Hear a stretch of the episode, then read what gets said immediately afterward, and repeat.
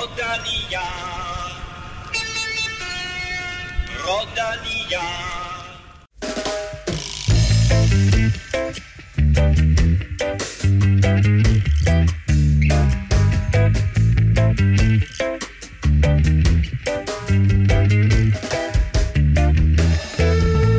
En fuldstændig vanvittig etape er netop slut i Vuelta a España. Det taler vi meget mere om i dagens udsendelse, hvor vi har masser af gode nyheder og en enkelt dårlig.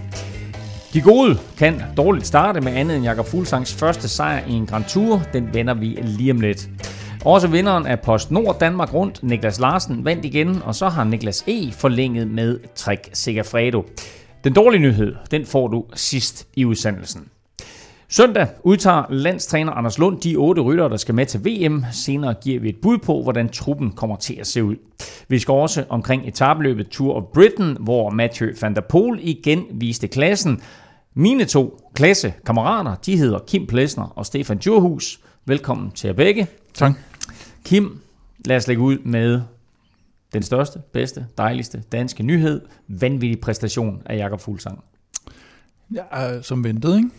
Nej, det, øh, det ligger oven i en, øh, en sæson, der jo har været uden tvivl hans bedste sæson nogensinde. Og man synes jo egentlig, at, at bare det forår, han havde haft, det var, det var rigeligt til det. Øh, så igen, lidt skuffende Tour de France, og, og det er der mange, der så taler om, og, og fokuserer meget på det. Men ser man over hele sæsonen, så er det jo ja, det er vanvittigt, at han har kørt på så højt niveau gennem hele sæsonen.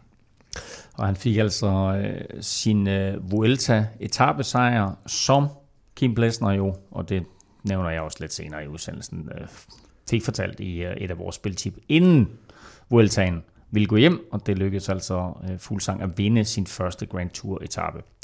Stefan, apropos Vuelta og etaper, så var det jo en helt crazy etape, vi så her på 17. etape.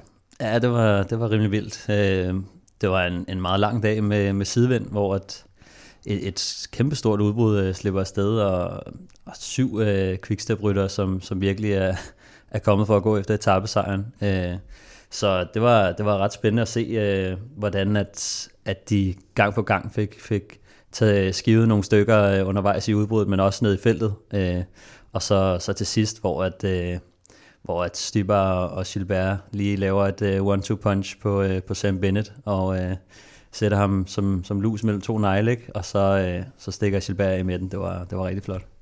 Og det var øh, naturligvis en etape også, som øh, sendte Quintana lige pludselig tilbage ind i øh, klassementet og ind på podiet. Det taler vi lige, øh, mere om øh, lidt senere. Stefan, øh, vi skal også lidt senere øh, næsten have lavet en lodtrækning. Ikke helt endnu, men øh, vi har gang i den her øh, 10.dk øh, konkurrence, og øh, det vælter stadigvæk ind med folk, der støtter Europa podcast, og øh, tusind tak til jer alle for det. Hvor mange er vi oppe på nu? Vi er oppe på øh, 220. Jeg tror faktisk, øh, er vi på 200, 220? 220, ja. Sådan. Jamen, øh, super flot. Øh, og dermed så nærmer vi os også den næste lodtrækning. Ja, det var 225, vi blev enige om, tror jeg. Og øh, Kim, hvad var det, du havde smidt i puljen der? Laser Century uh, Edition... Uh, Special Edition. En su- laser, sort en, super laserhjelm. Fra, en super fed hjelm fra Shimano med et meget, meget langt navn. Ja. Et kortere navn, det har Otze. Og de har et freebet til os også i dag senere, Stefan. Ja, jeg tror, vi trækker lod om, øh, om et 200 kroners freebet fra Otto lidt senere. Ja. Sådan. Og alle, der øh, er øh, støtter på tier.dk, deltager altså automatisk i den her lodtrækning. Du kan som altid finde os på iTunes, SoundCloud, Spotify eller i din foretrukne podcast-app til Android. Og så synes jeg faktisk, det er ved at være vildt længe siden, at I har skrevet en anmeldelse. Så øh, når du nu alligevel øh, lytter, og hvis du synes godt om det, du hører, så giv os lige en anmeldelse og nogle stjerner med på vejen. Husk, at du kan følge os på Twitter og Instagram på Snablag Velropa og på facebook.com Velropa. Mit navn er Claus Elming. Du lytter til Velropa Podcast, præsenteret i samarbejde med Shimano og Otse fra Dansk Spil.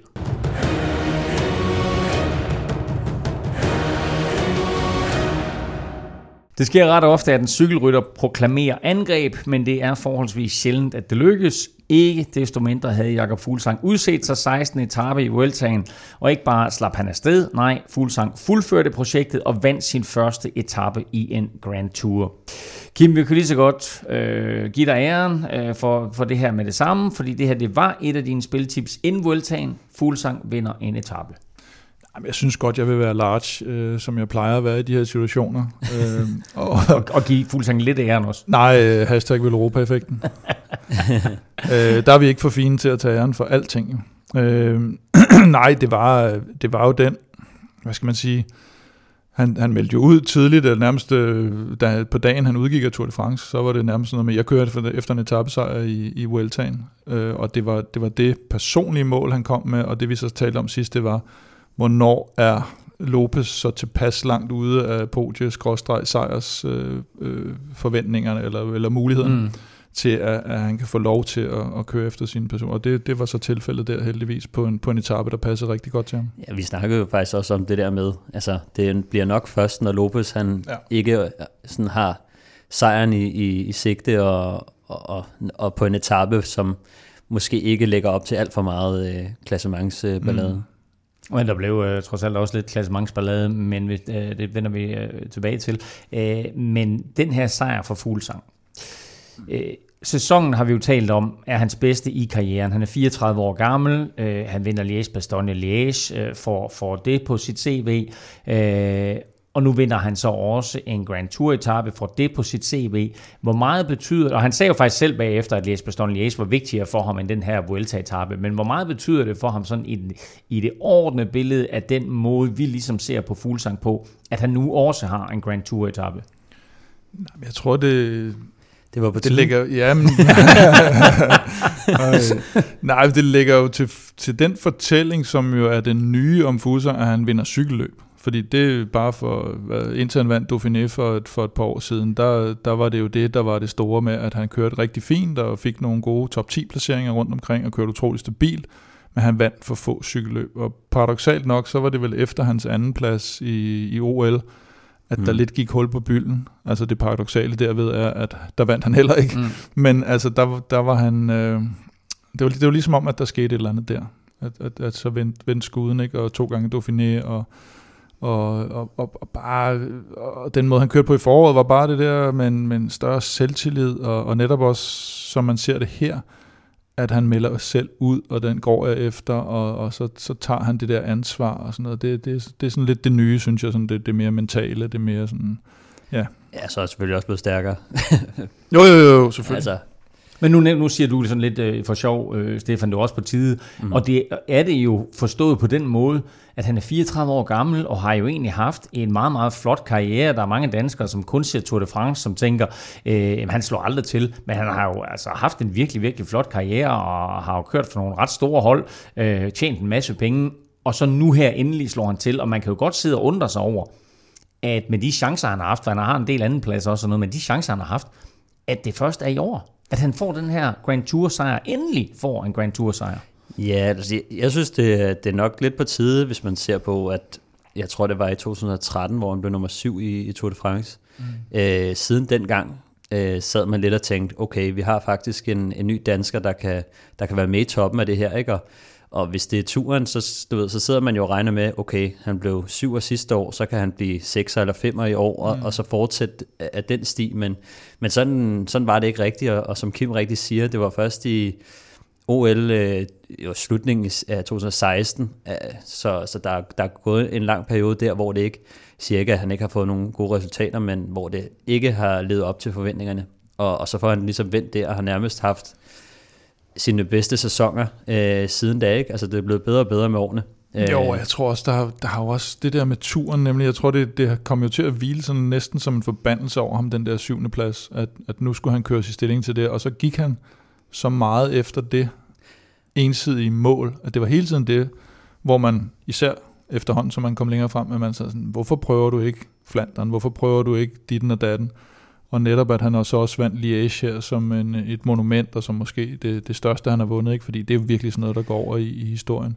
Og han siger jo også selv nu, at, han, at han, vil, også... han vil slippe det, den der ensidige fokus nu på det. Ikke? Men jeg vil også sige, øh. at, at siden den gang, hvor han blev syv og sådan, så, så var det ligesom om, at på alle de hold, eller på det hold han var, der var der altid en, der var lidt bedre. Mm. Så var der Nibali, og så, du ved, så skulle han lige af med Nibali, så kom der lige en Kom Ardo. Ardo ind, mm. øh, så kommer Lopez lige ind. Der har hele tiden været ja. en, der har været På øh, papiret lidt bedre. på papir lidt bedre, eller, eller haft den, du ved, øh, Nibali har, har navnet, ikke? Ardo, Jo. han var, kom bare flyvende ind øh, fra siden, og, og havde, var, var yngre, og det samme kan man sige om Lopez, ikke? Men det er kun først her de sidste to sæsoner, hvor han virkelig har været kaptajn på holdet. Og Ja, præcis, fordi da han, da han bliver syv og i 2013, der øh, har han ikke meget hjælp fra et Astana-mandskab, som, øh, som tænker øh, på en eller anden, jeg kan ikke huske, hvem det var, om de havde en eller anden kazakhstansk rytter, som de gerne ville køre for, og så var der ikke rigtig noget hjælp til Fuglsang, så den klarer han lidt på egen hånd.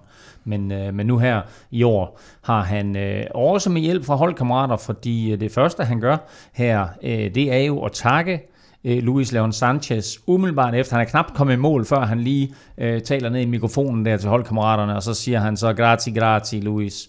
Øh, Hvor meget betød Luis Leon Sanchez for den her sejr?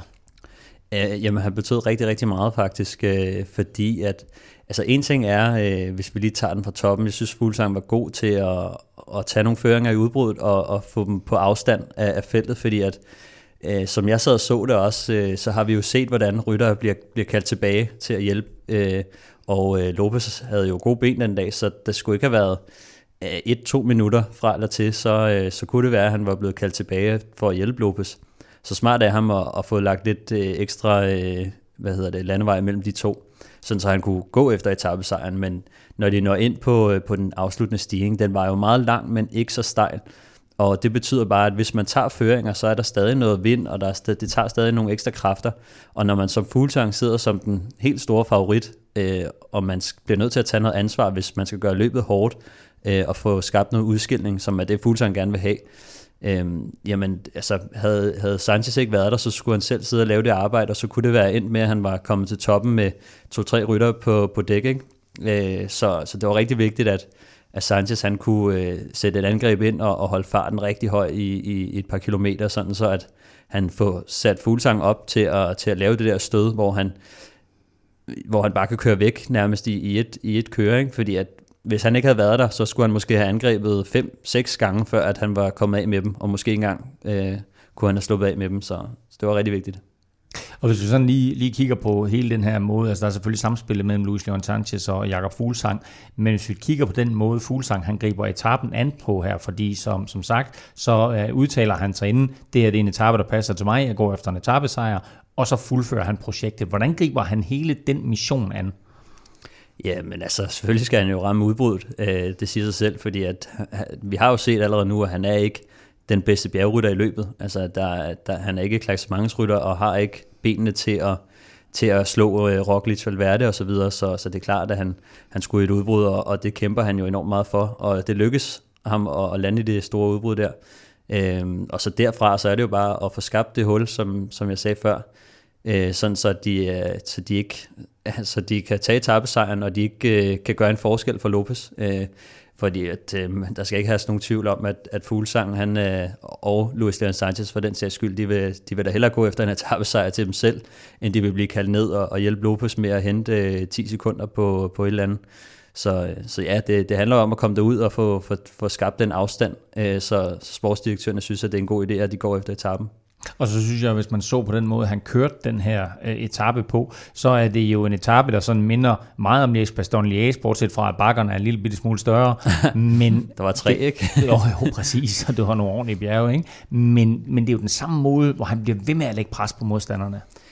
Ja, det er også den historie, vi har set i år med, at samme måde, som han greb Les Bastogne Liège an på, øh, eller Flesh Ballon for den sags skyld, han vil gerne have løbet så hårdt som muligt, fordi at han er måske den mest holdbare øh, rytter øh, faktisk i- i år. Altså hvis man så hele foråret, så den eneste måde, han kunne slå Alaphilippe på, som ellers var den bedste, øh, det var at gøre løbet altså, hårdere og, og starte finalen længere udefra. Øh, for der så vi, at han havde overtaget, så det på samme måde, han, han skulle gøre det her øh, og med en stigning, som, som passer Jakob rigtig godt, øh, som, som stiger med de der 6-7 procent, sådan rimelig øh, standard over lang tid, så, så for ham var det perfekt, og han bare, kunne bare sætte sit pres på og, og køre sådan stabilt hurtigt øh, hele vejen op. Det, det, der er ikke mange, der kan følge ham der. Altså synes jeg også, man, var det ikke etappen før, hvor man så ham lave et ordentlig føringsarbejde for, for Lopez. Ikke? Der kunne man godt se, at han lige var ude og få spolet benene godt igennem, og så kunne man se, okay, nu, nu er den vist ved at være der. Ikke? Mm. Fordi det var, det var et væsentligt større arbejde, og et væsentligt større tryk, han lagde der, end han havde gjort tidligere i Vueltaen. Og har vel også med det arbejde, han har lagt for Lopez hele vejen igennem Vueltaen, øh, berettiget, at han får lov til at køre i den på den her etape her. Ja, det kan man sige. Altså, der har jo helt sikkert været, været nogle etapper, som han har, som han har udset sig og, og spurgt om lov. Øh, og, og så tror jeg, at han har jo fået nok altså lov til at sige, okay, det kan godt være, at du kan få lov at gå til det etapper, hvis, hvis det er, at, at Lopez ikke har brug for din hjælp. Og, og det her, det var nok en af de etaper, hvor, at, hvor at man ikke kunne tabe alverden, øh, medmindre man er helt, øh, helt nede. Ikke? Kæmpe stort tillykke til Jakob Fuglsang, der altså øh, sikrer en øh, dansk etappesejr i Vueltaen og sikrer sig selv sin første Grand Tour etappesejr. Vi vender tilbage til Vueltaen lidt senere, blandt andet med spiltips til de sidste etapper. Nu skal vi til quizzen, og der er jo siden sidst indgivet både den ene og den anden protest. Stillingen er 26-21 til Kim inden protester. Og øh, jeg fik jo øh, formastet mig til det i sidste uge at sige, at øh, Valverde havde vundet øh, 13 etappesejre i Vueltaen. Det korrekte, det er 12. Og øh, det sagde Kim jo. Øh, jeg gav egentlig øh, pointet til øh, Stefan, der sagde 13. Så øh, i stedet for 26-21, så burde det være 27-20. Men så har vi også en protest omkring øh, en, en anden quiz, jeg stillede, hvor jeg spurgte, hvilke danskere der var i den røde førertrøje, Og Fuglsang er korrekt, men Lars Mikkelsen kørte godt nok i førertrøjen, men den var ikke rød på det tidspunkt. Han kørte i den, så der er også en protest. Øh, så altså, øh, jeg, jeg, derude er det sådan, at øh, jeg tænker, jeg har, jeg har lidt mistet overblikket. Jeg har lidt, øh, jeg, altså, og der er nogle protester, der bliver taget selvfølgelig her, der er nogle, der sådan, at vi bare fejrer ind under gulvtæppet. Så jeg går simpelthen tilbage til, til stillingen, der hedder 25-20, også fordi jeg synes ikke, at normalt når man indgiver en protest i, for, i, i Grand Tours, og, øh, og også i forbindelse med andre cykelløb, så skal der jo falde 50 euro. øh, Nej. Der skal falde 50 euro. Kroner. Der er ikke faldet Kroner. nogen... Der skal falde 50 euro. Det er reglerne. 50 euro skal der falde for, det, så man kan indgive en protest. Der er ikke faldet nogen penge. Få, og så må han tage ja. muldvarpskinnet frem. Kim, Kim. Oj. du, prøv at se det her. Han havde forberedt sig. Der er 150. Hvad er det? Hvad er det? 50? Ja, det, det får du ikke noget for. Det, det får 50, ikke var, var, der, var der ikke 100 kroner mere? Nå, jo, Nå, det er til godt. kage. Jamen, det er fint. 50 kroner i lommen. Øhm, Bedre end 10 på Protesten er indgivet, øhm, og øh, jeg siger, at det går, sådan lidt lige, det går lidt lige op med, med de her to protester, så vi er tilbage ved, at stillingen er... Øh, og du er en 50'er fattig her. nej, vi er, tilbage ved, vi er tilbage ved, at stillingen er 25 20 Men til. er der noget med, at man ikke får, øh, man får ikke 50'eren tilbage? Det gør du, eller? du får ikke 50'eren nu, nu, Nej, det, nu det, og det gør Men man altså, det skal også, jeg har aldrig indgivet en protest faktisk. Øh, Før nu? Nej, det har jeg ikke, men øh, det, det, det, det gør man ikke. Altså, det, hvis man er rigtig cykelrytter... Man indgiver simpelthen ikke protest? Nej, det, det, det er for vattet, ikke? Hvis man er rigtig okay. cykelrytter, så, så bærer man af resten af sin karriere, ikke? præcis, præcis. Nå, vi skal til dagens quiz. øh, du får ikke den 50 Nå, okay. igen. Skal man sidde og række ud efter den 50 der. Det er du godt glemme alt om. øh, dagens etape, 17. etape, som vi taler om lidt senere, den sluttede i Guadalajara. Og vel at mærke ikke den meksikanske udgave af Guadalajara, men den spanske udgave af Guadalajara. Uh, Guadalajara i Mexico er jo et lavet af en mand, der boede i Guadalajara i España. Uh, men Guadalajara. Mm. uh, le, Hvor var det, det var? Ja. I España. Uh, Guadalajara uh, ja. har to gange før uh, været en del af Vuelta a España, og sidst var i 2005. Der var det 20. etape, men øh, to etapper inden, der havde vi faktisk en dansk etappevinder. Uh. Så hvem var det? Hvilke år sagde du? 2005. 2005. Dansk etappevinder i Vuelta a España 2005. Det er efter, du er født. Hvem var det? Stefan, ja. du har serveretten. Det betyder, at du får lov til at bestemme, hvem der svarer først. Men øh, vi får altså først svaret senere i mm-hmm. udsendelsen. Og øh, til jer to, og alle, der lytter med, lad nu være med at google. Inden vi taler mere Vuelta, så lad os lige vende et andet etabeløb, der bliver kørt i øjeblikket. For om øh, tre uger, der er der VM i Yorkshire, men i disse dage, der køres der Tour of Britain. Det er et holland-belgisk cykelløb. det er et uh, engelsk-skotsk cykel- cykelløb med to etaper i Skotland og seks i England. Groenewegen han vandt øh, første etape, og han vandt også tredje etape, mens Matteo Trentin vandt anden etape. Øh, men på alle de her øh, tre første etaper, der blandede stortalentet og fænomenet Mathieu van der Poel sig i topstriden. Og så på fjerde etape, der viste han sin store klasse og vandt med øh, overlegen styrke bjergspurten, eller hvad nu man øh, kalder den slags i England. Kim, det her det var en magtdemonstration af den flyvende hollænder. Ja, og det har vi set nogle gange. Og nu, øh, nu glæder vi os så, eller det gør vi egentlig ikke, fordi vi holder med danskerne, men øh, han kommer jo desværre til VM også, og øh, han bliver sgu svær at holde nede. Ikke? Men er han, Stefan, er han favorit nu til VM? Øh, ja, altså han er ikke, mm, han er blandt favoritterne i mine ja. øjne, men jeg ved, at bookmakerne har ham som, som stor favorit foran øh, sådan nogle som, som Sagan og Alaphilippe øh, og så videre, så så altså, han er helt klart, øh, helt klart deroppe af, men øh, han er ikke lige min øh, personlige favorit. Og hvem, hvem har du sådan mere, altså hvis vi, vi taler danskere lidt senere, men, men hvem har du sådan som, som favoritter her Jamen, til jeg, VM lige nu? Jeg tror altså selvfølgelig øh, Van der Poel, øh, Sagan eller Philippe, øh, de klassiske der, men... Ja, der Philippe har, Gilbert måske? Jamen, jeg har et godt øje til, til Hvem faktisk... Du, Kim? Alle Belgierne. ja, jeg, jeg, jeg har nemlig et godt øje til hele Belgieholdet, ja. ikke, som jo har... Og jo også spændende at se, hvad englænderne, englænderne stiller med, altså Storbritannien, fordi øh, altså et VM på hjemmebane. Øh, mm. Men det er jo, altså for mig at se, der er det, der, der er det nærmest Belgierne, der har hjemmebane, ikke? med den rute og den ja. øh, længde, og med, hvad er det, de har udtaget indtil videre? Van Aumart, øh, Gilbert, Evenepoel. Øh, ja, netop de tre der. Og de mangler endda jo... Van Aert, ikke? Mm. Det er så, jo... så, men vi taler meget ja. mere øh, VM i øh, de kommende podcasts. Øh, her øh, vil lige vende tilbage til, til Mathieu van der Poels sejr, fordi de ligger sådan en gruppe på den her øh, fjerde etape, sådan den første rigtige etape, hvor der, hvor der er nogle bakker på. Øh, og der ligger de en gruppe og skal kæmpe om den her spurtsejr oppe bakke, øh, og de ligger sådan og, og hakker lidt i det alle sammen, og så kommer han, som om han sidder øh, med en øh, raket på, på, på cyklen der. Altså, det var helt vildt så meget stærkere, han kørte end alle de andre. Ja, det var, det var ret vildt. Jeg så også, øh, da man, når man ser afslutningen der, så, øh, så kan man se, at Trentin han sidder sådan rimelig godt, og han sidder vist i, i pointhøjen på det tidspunkt. Mm. Øh, og øh, så kommer Van der Pol bare flyvende, og man kan lige se, at han kigger lige ud til siden, og så er det bare sådan, nå okay, ja. det, var ikke, øh, det var en helt anden fart, han kom med der, så det, det viser lidt om, om den eksplosivitet, han, han faktisk ja. bringer ind, ikke? og han, han også kan blive nummer to i, i en direkte spurt. Det, ja. det siger også lidt om, om talentet. Men det er lidt det samme med, med Fanart, ikke? Altså, jo, jo. De to der, de, de, kan, de kan lige de pludselig gør nogle hele. ting, man ikke uh, lige har været vant til. Men jeg, jeg vil også sige, uh, det var den tidligere... Han var mest kendt for at være lead-out-rytter, Greg Henderson, hos uh, blandt andet Lotto, Lotto Sudal. Han, uh, han henledte opmærksomheden på, når man så videoklippet bagefter, at i uh, kampen om andenpladsen, som jo lå lidt længere tilbage, end hvor Van der Poel kørte, så ser man uh, Jasper de Boist fra, fra Lotto. Han sidder ned. Mm. Og, og, og, det ser nærmest ud som om, at han, at han ikke han spurter hverken noget. Og så Simon Clark fra EF Education, han sidder og vrider cyklen alligevel ved siden af ham, men det Boys kører ind. Så, altså, de kører lige stærkt. Mm. Det ser helt åndssvagt ud. Prøv en gang at se øh, klippet på, på YouTube, Twitter, whatever. Øh, at, at de kører helt ens, men øh, og så slet ikke ens. Øh, jamen, øh, en opfordring fra Kim her til lige at, at YouTube det klip. Øh, I dag onsdag, der var der øh, som forventet en afslutning øh, med en øh, masse spurt, og øh, igen, der var det Vega, der vandt, og det gjorde han foran øh, Matthew Walls, og så med Matteo Trentin på tredjepladsen, og det betød faktisk, at Matteo Trentin han fik øh, nok bonussekunder til at øh, nappe øh, den forløbige førsteplads her efter øh, fem etaper.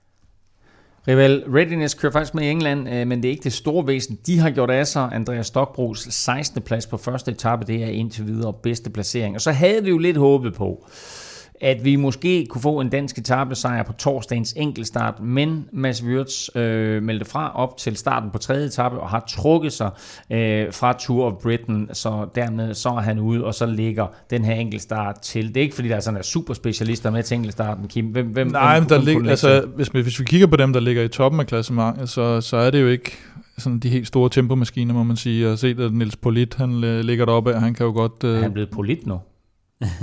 Nej, vi kan kalde ham Niels Polit. Det kan da godt være. Niels Polit. Det, Hedder han Polit? Polit? Ja. Polit. Ja, anyway. Nå, godt ja. Nå ja, er det med to L eller to T'er? Jeg, jeg tror det med... Jeg kan ikke huske Nej, det finder vi ud af. Sepkus. Øhm, han er vel den, øh, jeg sådan lige umiddelbart kunne få øje på deroppe, der var, og ellers så er det, det er ikke en vanvittig lang enkeltstart, 14,4 tror jeg den er, så det, der, der er nogen, Alex der Dowsett, godt kan brænde. Øh, Han, øh, han kørte meget godt på den ene etape, så ja. han var tæt på at, at holde hjem. Øh, han kunne også godt være, være i spil. Men han ligger ikke til i klassementet nu? Som Nej, jeg lige husker det. ikke. Nej. Hvordan, øh, hvis vi sådan lige kigger på toppen af klassementet, hvordan kører de der drenge der imod hinanden? Vi har en Matteo Trentin mod en Mathieu van der Poel.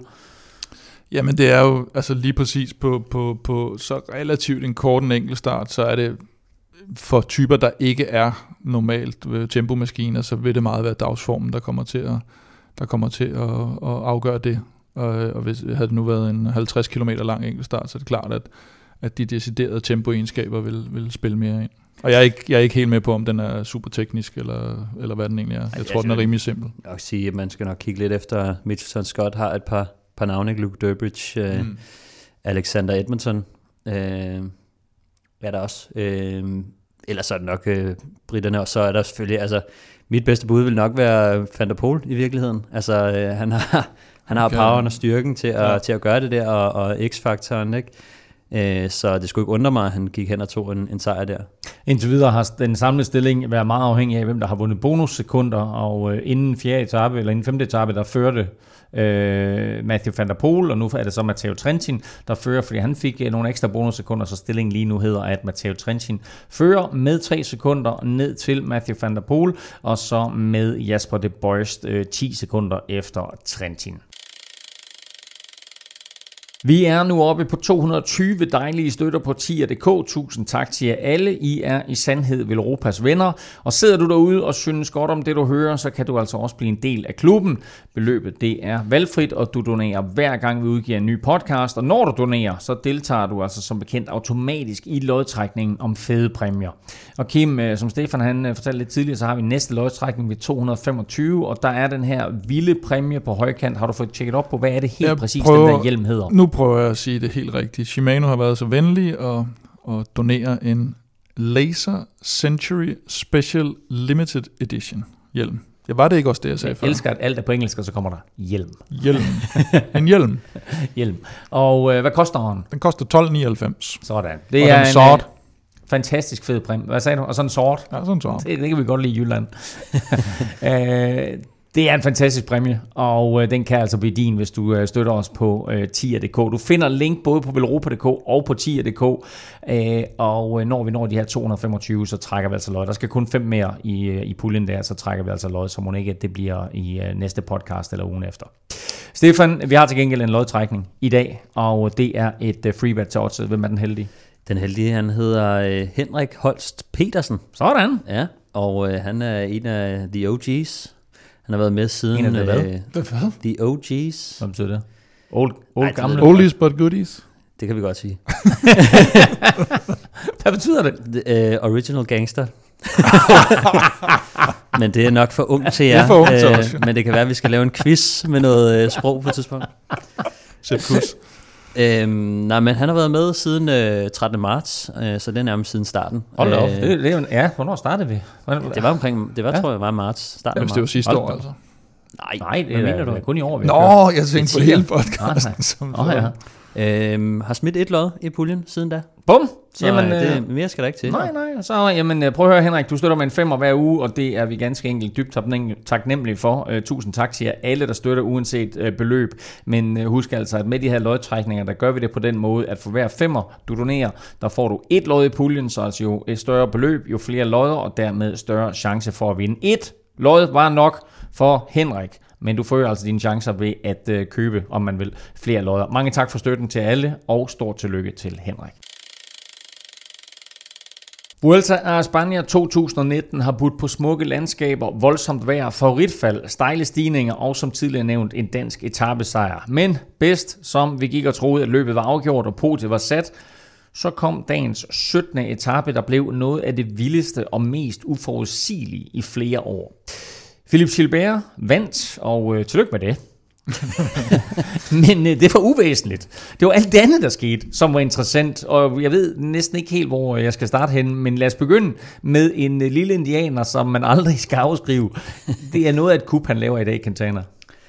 Ja, det må man sige. Altså, han får listet sig med i, i det store udbrud der. Det, øh, jeg ved ikke, om de har, de har haft det overblik, der skulle til, til lige at se, øh, til at se men altså, om ikke andet, så tror jeg, at de burde vide, at han har siddet deroppe. Som du skitserede tidligere, der er cirka et, et 35-40 mand stort udbrud, mm. som kommer afsted på baggrund af sidevinden.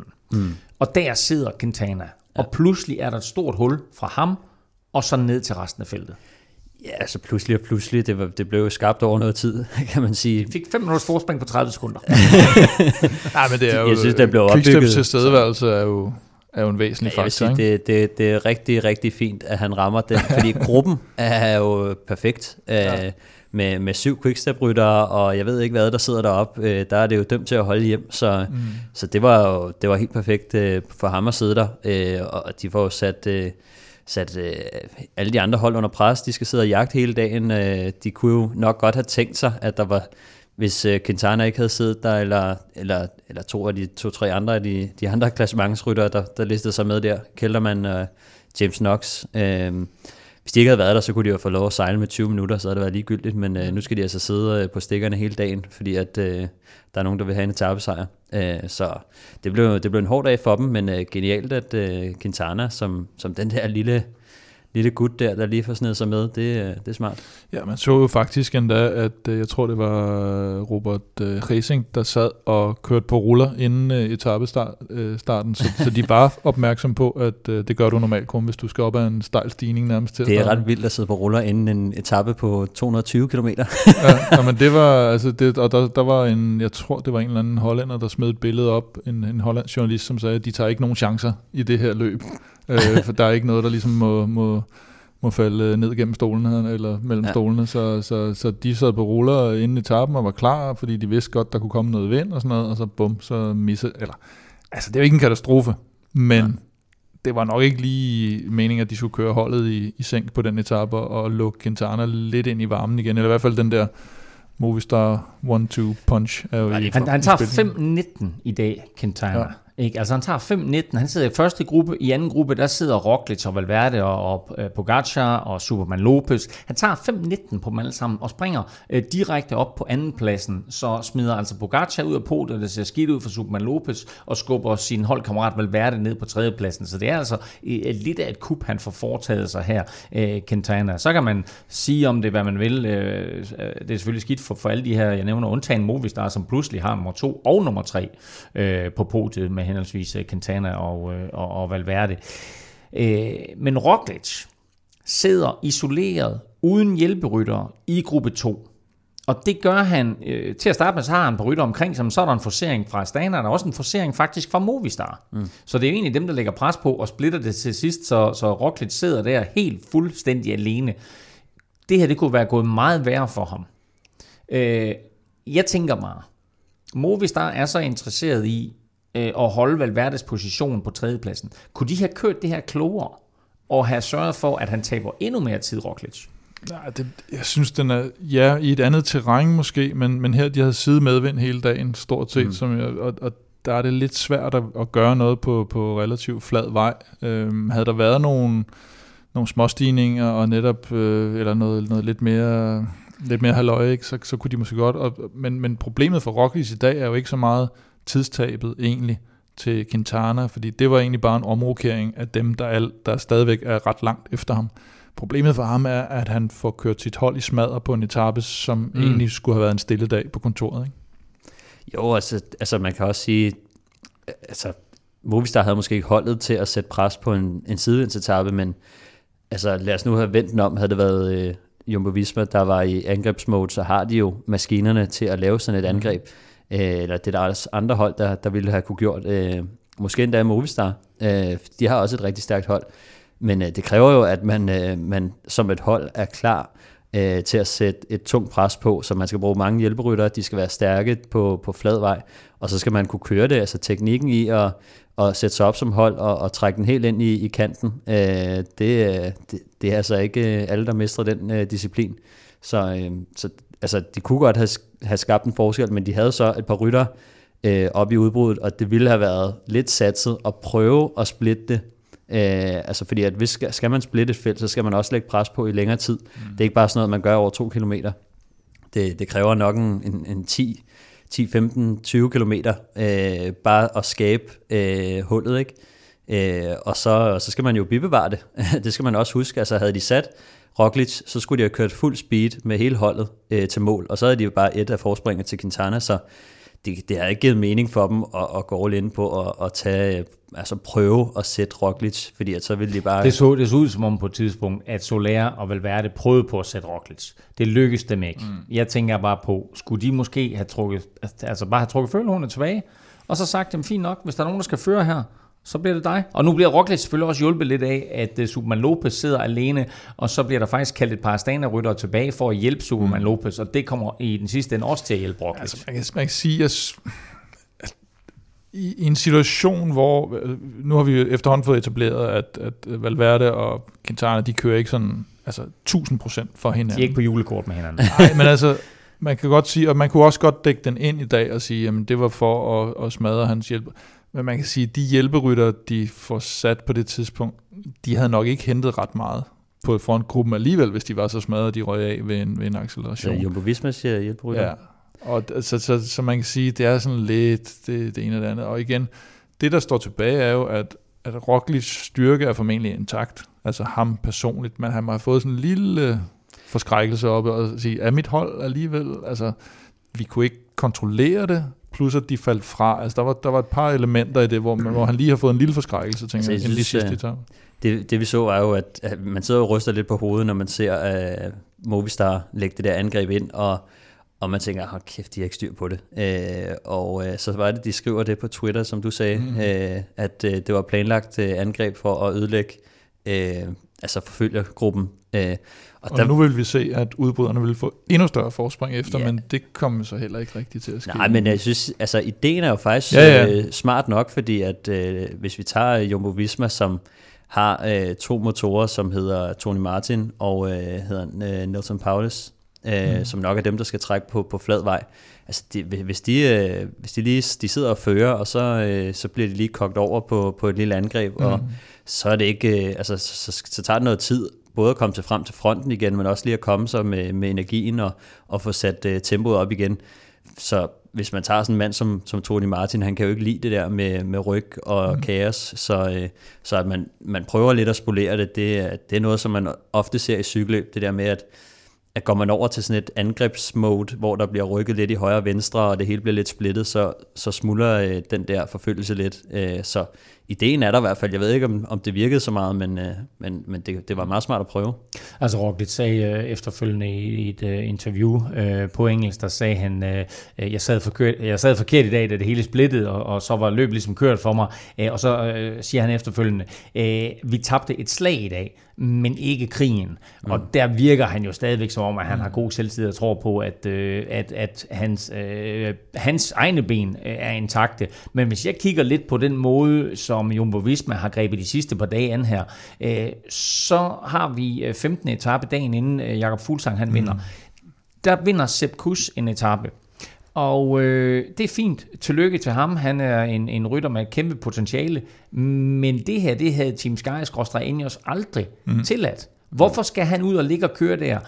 De, er, de har været rimelig overlegne. De har styr på det her løb. De har den førende rytter. Hvad skal Sepp Kuss ud og ligge og brænde kræfter af for på 15. etape? Ja, der er en dag til, øh, til hviledagen, men alligevel. Nej, men det er rigtigt. Altså på et, øh, på et helt bundseriøst rutineret hold, der havde, der, der havde du bare aldrig fået lov at lave det nummer der. Og det, det er formentlig et udslag af øh, netop, at, at det, den trup, som, som de kommer med, er heller ikke øh, sådan, øh, 35 år alle sammen. Det, organisationen på holdet og så videre. Og så, øh, så måske den der med, at man tænker, at den er, den er hjemme ikke? altså, den, øh, det, så nu kan vi sagtens. Altså, Roglic er så stærk, og det der, ikke? og han er frisk, og men i dag ser man jo så også bare, at... Og vi så det også i går på 16. etape ja. med Fuglsang, der er han også lige pludselig alene. Nej, jeg tror også, det har, det, har, det har også lidt mere at gøre med, at de vil gerne have en, en hjælper øh, sendt afsted, som kan droppe tilbage, hvis det er, for det, det er noget nemmere at droppe tilbage, øh, mm. end det er at køre op, når det første øh, går for sig. Ikke? Så, så jeg tror måske, det har været et led i, i kæden, som det kunne have været brugt mm. til at hjælpe, men alt efter hvordan det går øh, på etappen, så kan vi også vælge at gå efter etappesejren. Mm. Så øh, måske lidt satset, men øh, det kunne også godt være, at øh, hvis øh, Sepp Kuss ikke havde haft den bedste dag og bare blev smidt, så havde han ikke været til, til gavn for noget. Så det er lidt smartere at smide dem ud, øh, nogle, nogle af ens hjælper, øh, hvis man godt kan undvære dem dernede øh, i noget tid. Ikke? Og der tror jeg, det er en god idé, at du fuldfører den ting, at smide dem ud foran, fordi det der med at smide dem ud, det giver den forkerte ja. klang. Men også en anden ting, jeg vil bare lige uh, til, det er jo ikke Roglic, der er den store taber her. Altså, han mister jo ikke noget. Nej, det er også han, det, altså, hans styrke og hans forspring er jo stadigvæk, men, ja, men altså, der, det er jo, der er kommet sådan lidt, altså det er jo mere det der med, at han, han oplever en situation, hvor hvor de det er, er ude af kontrol. Ja. Vi, taler, vi taler lidt mere om de kommende etaper øh, sidst i udsendelsen, og der kommer jeg også til at spørge jer omkring, hvordan øh, Roglic kommer til at gribe de her etaper an, fordi vi har set svaghedstegn fra ham selv, i, øh, på den etape som Fuglsang vinder. Og vi har set svaghedstegn fra ham, eller ikke fra ham, men fra holdet i dag, hvor han pludselig er isoleret. Og det kan altså få, få indflydelse på de sidste fire etaper, og måske øh, hans øh, potentielle og meget sandsynlige sejr øh, nu her. Øh, en af de andre store tabere, det er faktisk en landsmand til Roglic, nemlig unge Tadej Pogacar. Han får sig en lille lærestreg i dag. Ja, han, øh, han mister jo sin podieplads, og øh, jeg tror egentlig den måde, han har kørt på, øh, specielt også den, øh, eller den etape, han vinder med, sammen med Roglic, jeg tror egentlig, han er fortrøstningsfuld øh, nok til, at, at når de rammer noget bjergterræn igen, så, så tager han den podieplads tilbage. Jamen, han har, øh, han har en af den op til Quintana nu, ikke? Øhm, mm. Så der, der skal også noget til, altså, øh, hvis, han skal, hvis han skal hente tilbage. Det, mm. det, det er ikke sådan noget øh, 10 sekunder her, 10 sekunder der. Øh, det skal nej, nej. være lidt mere markant, så øh, altså, det, det er lidt i, i, i limbo, hans, øh, hans øh, podieplads lige nu. Men han har, ikke, altså han har jo heller ikke holdet til at kunne... Det er jo ikke dem, der skal gå, de hjælpe til, men det er ikke dem, der skal gå ind og Ja, men og, der, og der er vi jo så heldige, at øh, når vi har de to Movistar-kaptajner øh, deroppe øh, og, og tæt på hinanden, så skal vi nok øh, få noget kaos. Og det kan, ja, præcis. det kan jo godt gavne ham, at, ja. øh, at, at de to, fordi at... Ja, for hvem skal de nu? Nu bliver det spændende ja. igen, mm. fordi nu troede vi jo bedst, at øh, de kunne lade Quintana køre på, på en etape, hvor han ja, havde gode ben, og så, så var det ligegyldigt, men ej, okay, det, der er stadig øh, hvad hedder det, 2.24 og 2.48 op til, til Roglic fra, fra de to Movistar-kaptajner, men øh, de skal jo prøve på et eller andet. Og men det, altså, Pogacar her øh, er så flot kørende i bjergene og kører også en fin enkeltstart, og så rammer han noget så dansk som, øh, som sidevind. Mm. Øh, og vi så også, at det var det, de belgiske sidevindsmestre, det König Quickstep, der ligesom øh, satte tempo på den her og, og fuldstændig smadrede etappen.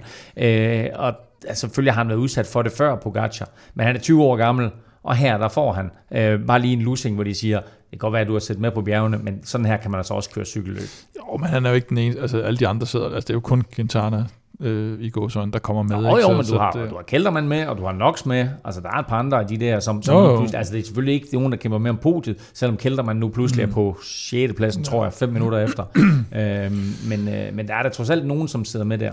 Ja, ja, men øh, 60 år i vel være det så heller ikke med, så det er ikke kun rutinen, der gør, at man ikke, det er, det er korrekt. Man ikke sidder med. Øh, lad os lige lynhurtigt vende det her med, med, øh, med, med det König Quickstep og den måde, de splitter det hele på, fordi mm. som du også sagde, Stefan, de sidder syv ud af otte det König Quickstep rytter der i gruppe 1. De har besluttet sig for på forhånd, at de vil splitte det her, og de har med stor sandsynlighed også besluttet sig for på forhånd præcis, hvor det skal ske. Ja, det, det, det kan vi være ret sikre på. Der er jo selvfølgelig øh, nærmest øh, 220 km øh, sidevind, så øh, der skal nok være nogle, øh, nogle momenter derude. Ikke? Så jeg tror bare, at de kollektivt der er gået ind og sagt, øh, nu, nu går vi bare frem, og så, øh, så siger vi til, og så, så bliver der bare kørt. Øh, det, de, de kan gøre det hvor som helst, så længe der er sidevind, og, og de er samlet. Øh, så det, det var en, øh, en, en rigtig flot holdindsats, øh, men, men helt klart, altså, det er jo ikke altid noget, som der bliver bestemt på forhånd, men det er sådan, at at de sætter sig ned, og så er det okay, i dag der er den der, og øh, det kommer til at være herude et sted. Øh, vær lige ops og sidde sammen, og øh, så, siger I, så siger I til, eller vi siger til, når, når det skal ske. Ikke? Hvem bestemmer det? Er det, er det en, vi, vi har, vi hørt om folk, der sælger, eller om hold, der sender scouts ud på ruten. Er det, er det en af de scouts, der ligesom siger, her er der en god mulighed, eller er der en vejkaptajn, der siger, lige nu kan jeg mærke, nu er den der, nu kører vi? Ja, det, som oftest så er der en, der agerer lidt øh, samlepunkt. Øh, sådan vil det typisk være på, på, på de forskellige hold. Øh, jeg ved ikke lige, jeg går ud fra, at Gilbert selv er, er en af de øh, rutinerede ræve, der, der tager beslutning eller siger til, når det er, ikke? Men, øh, men de, de kunne i princippet gøre det alle sammen. Altså, de får typisk en melding ned for, for sportsdirektørbilen, ikke? At det kan være, hvis du kommer ud fra et skovstykke eller sådan noget, så siger de nu her om mm. en kilometer, så bliver det åbent landskab, og så er det jo op til netop den altid... i feltet at, at sige, okay, er det lige, lige når vi kommer ud af, eller er det lige der, hvor ja. den drejer? Eller, det, er den, det er manden på ruten, der ligesom skal skal sidde i feltet og sige Ja. til sin hold, nu trykker vi til. Ikke? Og man skal lige, man skal lige samle sig, og, og du ved, og så, så er der en, der starter, jeg ved ikke, det kunne være en Tim de Klerk, der sidder forrest, og så, øh, så siger han, så er det nu, og så, rø, så er det ham, der ligesom trækker den ud og, og starter, ikke? Øhm, nu, nu så jeg ikke lige, hvem det var, der startede. Jeg tror faktisk præcis, det var Tim de Ja. Klerk, som ligesom øh, satte det der i gang, og, øh, og så blev det altså kørt vanvittigt stærkt. Øh, jeg så Gilbert, han bagefter sagde, øh, at han aldrig nogensinde i sin karriere havde været med til noget lignende. De kørte 75 på flad vej, øh, og øh, han sad, som han fortalte, øh, med en 54 11 øh, og bare hamrede pedalerne rundt med, øh, med 110 omdrejninger. Så øh, det her, det var altså en etape, som, øh, og han, der var faktisk flere, der sagde, at den ville gå over i historien, fordi den, den, den blev altså de kørt. 50 i timen øh, nærmest, tror jeg. Det er jo, på. de lå, i- jo, de lå øh, med omkring, jeg tror faktisk, øh, lige ved at tro, etappen blev kørt med lige under 50 i timen øh, hele vejen igennem. I lang tid, der lå de over 47, og det var også derfor, at den, øh, den Mm. splittede, men en, en, en crazy etape. Men det, der også er sindssygt, det er jo netop det der med, at, at, at alle ved jo, at Quickstep har tænkt sig at splitte det i sidevinden. Og så gør de det alligevel. Mm. Altså det, Prøv det, lige, høre- prøv lige, høre. det er 220 km. Det tager dem 4 timer og 20 minutter. det er fandme Jamen, den, hurtigt. den blev kørt så hurtigt, så spanierne, der producerer tv-signalet, gik på en halv time før Ja. tid. Mhm. Øh, Og det er, jo de der, kørte- det er jo der, hvor man kan sige, øh, i forhold til alle de her ting, vi nogle gange sidder og taler om, at øh, ting går hurtigere, eller ting går langsommere og bag og. Det her er jo en ting, hvor du ikke kan bruge til en skid.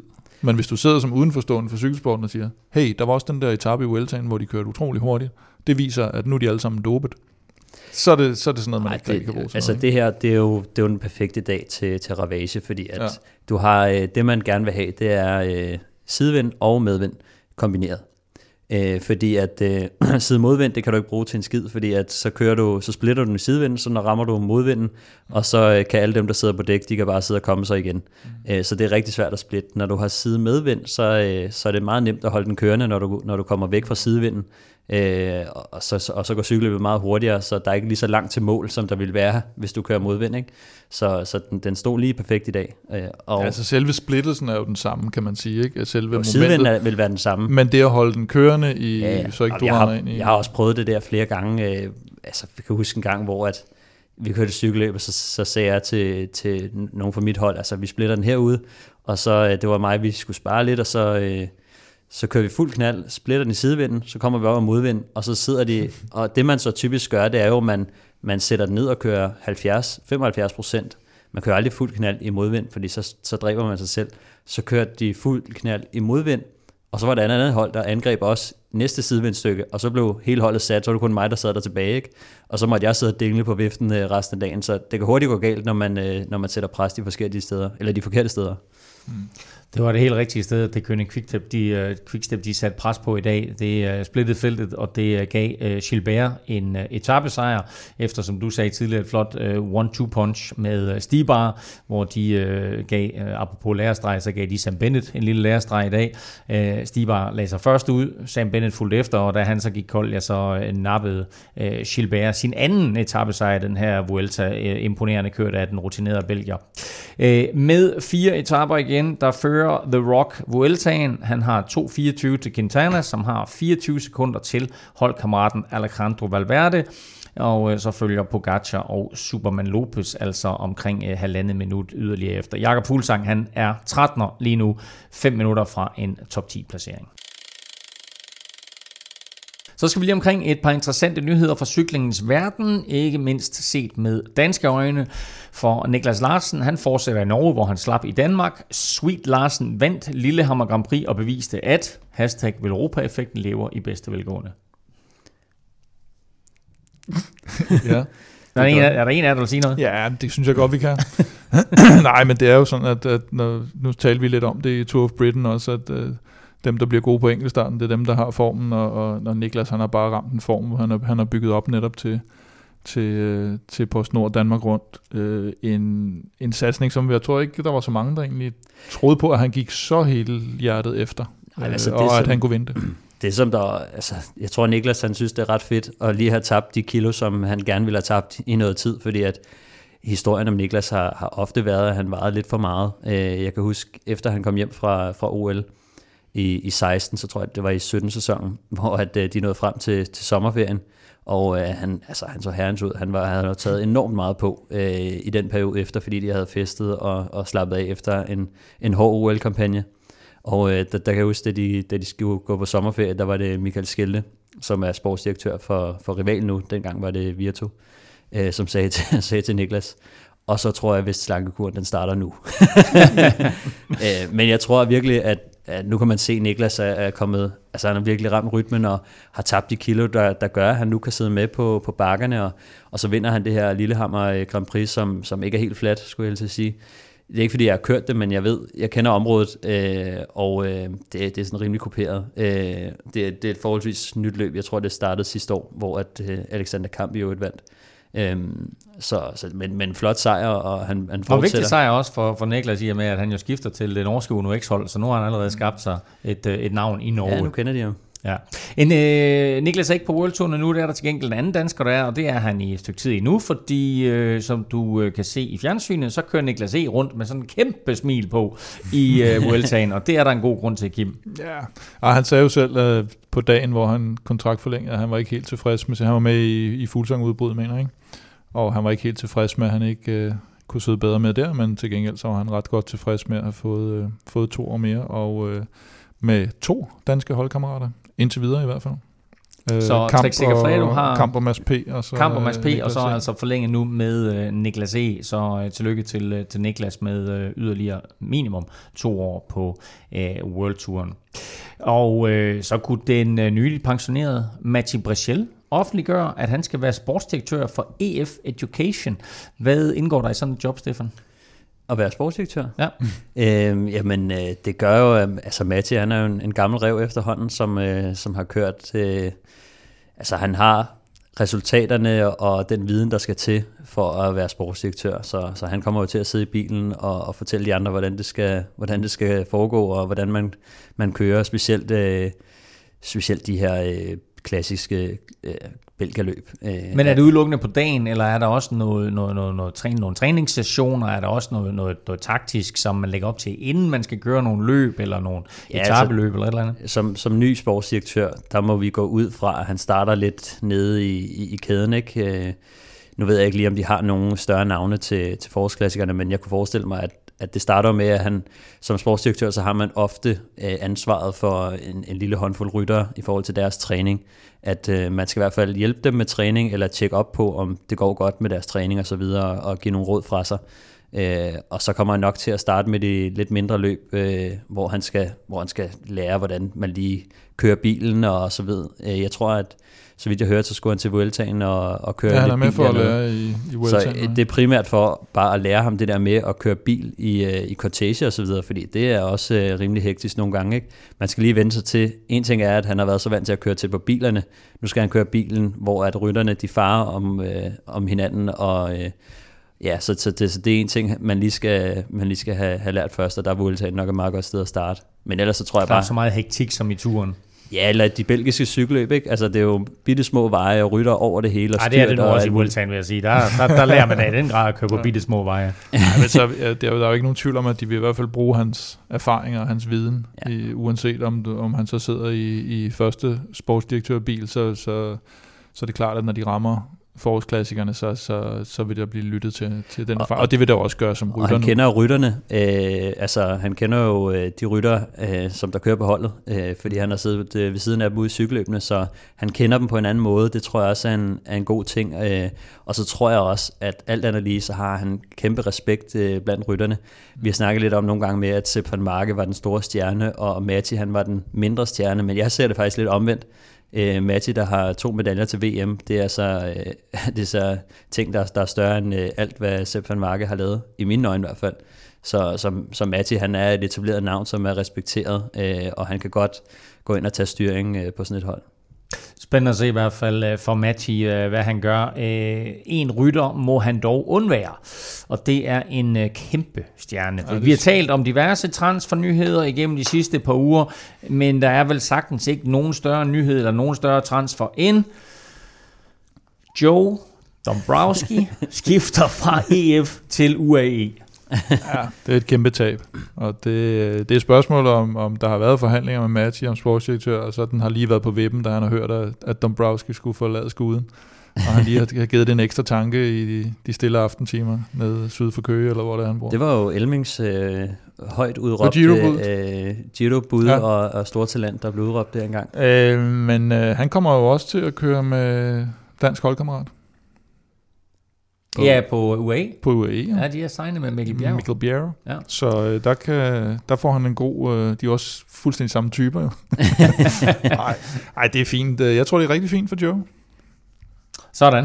Øh, og så er der sådan øh, kommet sådan en øh, ret spøjs og halvgammel sag op til overfladen igen, der omhandler to fyre, der hedder Alexander. Mm-hmm. Øh, den ene, det er Stanas chef, Alexander Vanukorov. Øh, han har tidligere indrømmet, at han bestak øh, en anden rytter. Han har, han har indrømmet, at han har overført nogle penge til Han, ham. okay, han har indrømmet, at han har overført nogle penge Ja, til Alexander og Kolobnev, øh, og det gjorde han efter Liège-Bastogne-Liège i 2011, mm. øh, hvor der er overført et øh, større beløb, Kim. Og prøv, prøv, lige, prøv lige at fortælle sådan helt konkret, Jeg, tror, jeg den kan faktisk ikke engang huske, om det var 50 eller 150.000 euro. 150.000 Var det 150.000 euro, fordi Kolobnev jo lige havde lånt lidt penge af, af Vinokurov, så er det klart, så skal han pengene. Det var Eller nej, Kolobnev havde lånt pengene til Vinokurov selvfølgelig, som så betaler dem tilbage øh, umiddelbart efter, at øh, Vinokurov har vundet Liège-Bastogne-Liège foran Kolobnev øh, i et øh, tomands udbrud. Øh, så det synes jeg ikke, vi skal... Nu er jeg ikke den, der render med konspirationsteorier, så det synes jeg ikke, vi skal lægge noget i. Nej, det der er sagen, det er, at nu den her sag har skulle været op øh, for retten i, øh, i Belgien i 7.000 år, og jeg kan huske, var det i foråret, vi også havde den på tapetet, eller i vores manuskript, hvor vi ikke engang ved, om vi fik talt om, for nu skulle den til op igen. Og nu skriver Lekip så noget med, at øh, anklageren vil have idømt øh, dem begge to et halvt års fængsel, og så skal Vinokurov betale 100.000 euro, og Kolobnev 50, tror jeg. Og man må sige, det er selvfølgelig nogle store beløb, der er tale om her, men det, at man køber en sejr af en anden, når du er i et tomandsudbrud, det, det er foregået før i cykelsportens historie. Men- lad, os, lad os bare sige det men, sådan. ikke, men ikke for noget, der minder om en, en, en 1,1 ja, hvad, hvad, det, det, det, 1,1 det, millioner det tror jeg ikke, du skal udelukke. Det tror jeg ikke, du Nå, det tror jeg. Så set i det hvad, lys... koster, hvad koster en sejr i Danmark, Stefan? En dansk sejr? Ja. Ej, den koster ikke meget. det koster ikke meget. Nej, jeg tror, man får øh, på, på et dansk bundløb, der får man, øh, på Sjælland får man 500 kroner, fordi at øh, DCU er, er helt i knæ. Øh, Ja. Og i Jylland tror jeg, man får 1500 kroner eller sådan Nå, noget. det er for at vinde, men for hvad at koster det at men, købe men, en men hvis der sidder to mænd sammen, og så siger den ene til den anden, hey, jeg, jeg får sejren, hvad koster det? Nej, det, det gør man ikke. Det gør man ikke.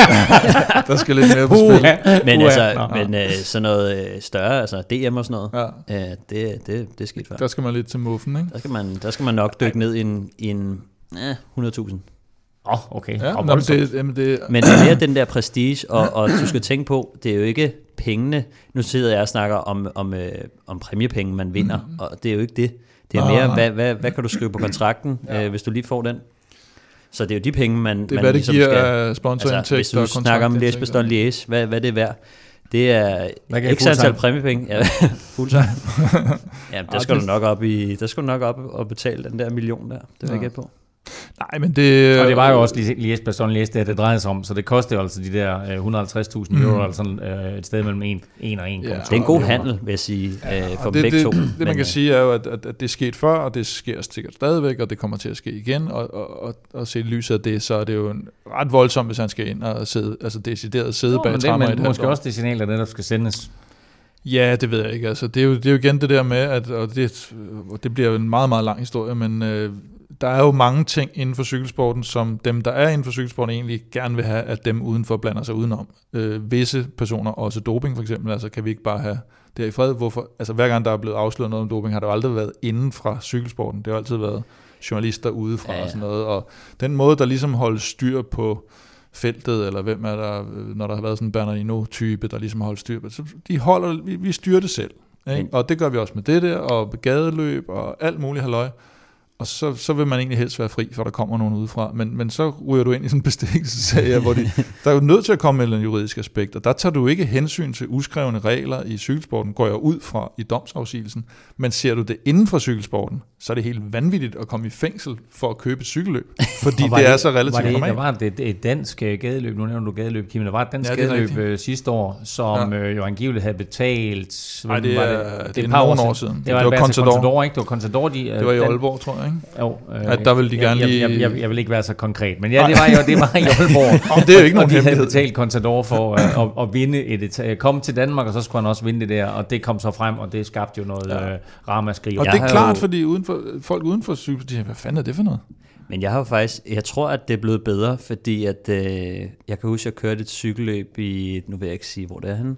Aalborg. Øh, men jeg vil sige, at øh, der var noget om, at der var et hold, der var blevet tilbudt lidt mønt, hvis de kunne hjælpe øh, Chris Froome til at vinde. Ja. Og øh, da cykelløbet så startede, det var et øh, gadeløb i P-Søsen regnvejr, rimelig teknisk, hurtigt, hårdt.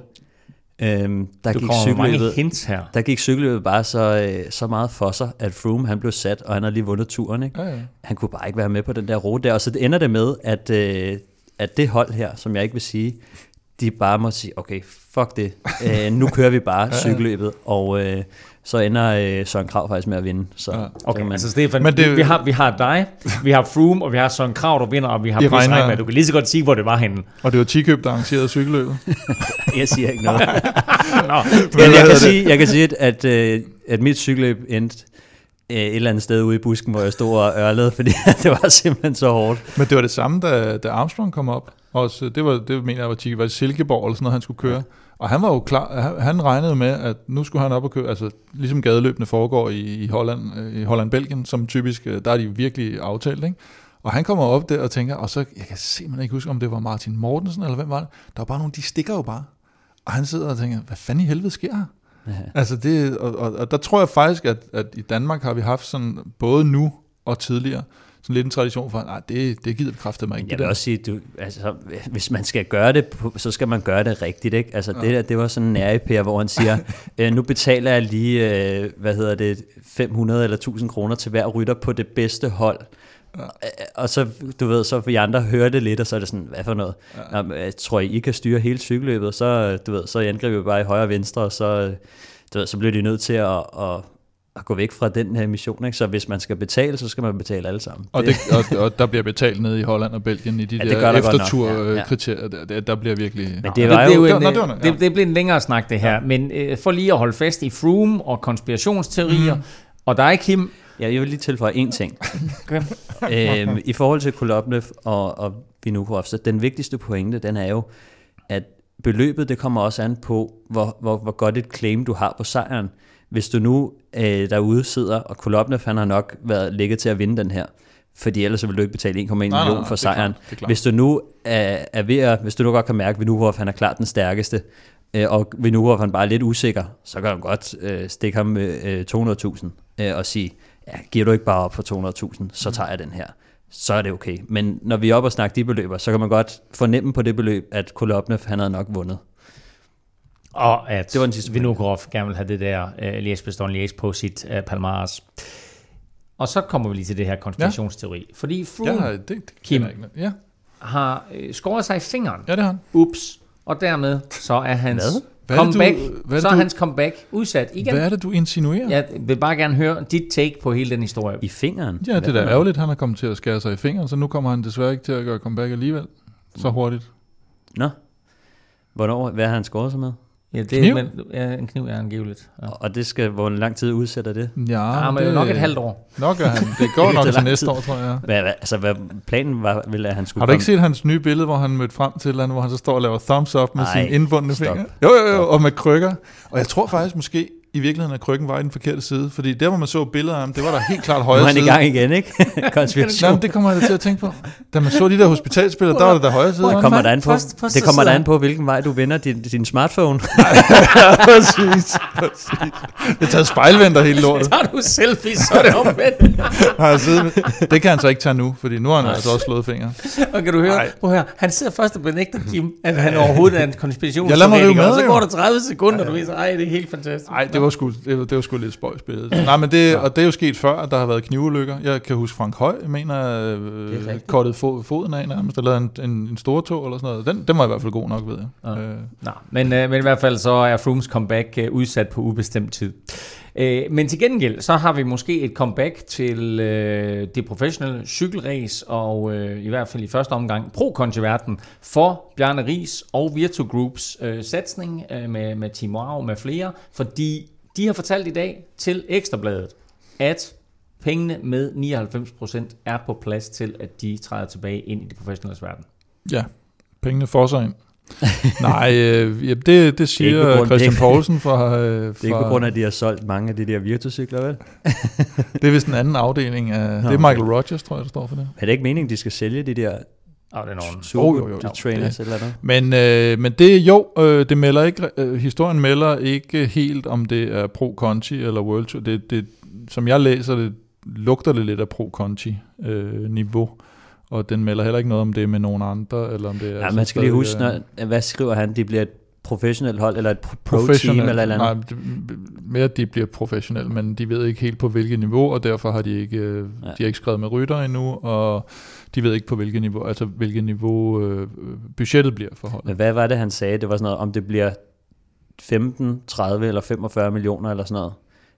Øh, det vidste de ikke. Mm. Så jeg vil også sige, selvom du, hvis du har 45, så, du, så så har du måske lige nok til at, til ja, at blive... Jeg tror godt, du kan blive en lille World Tour hold der, ikke? Øh, sådan, ja. Ja, I første omgang har vi jo etableret, at de har købt den her licens, eller de har købt retten til at få en licens til Pro Conti.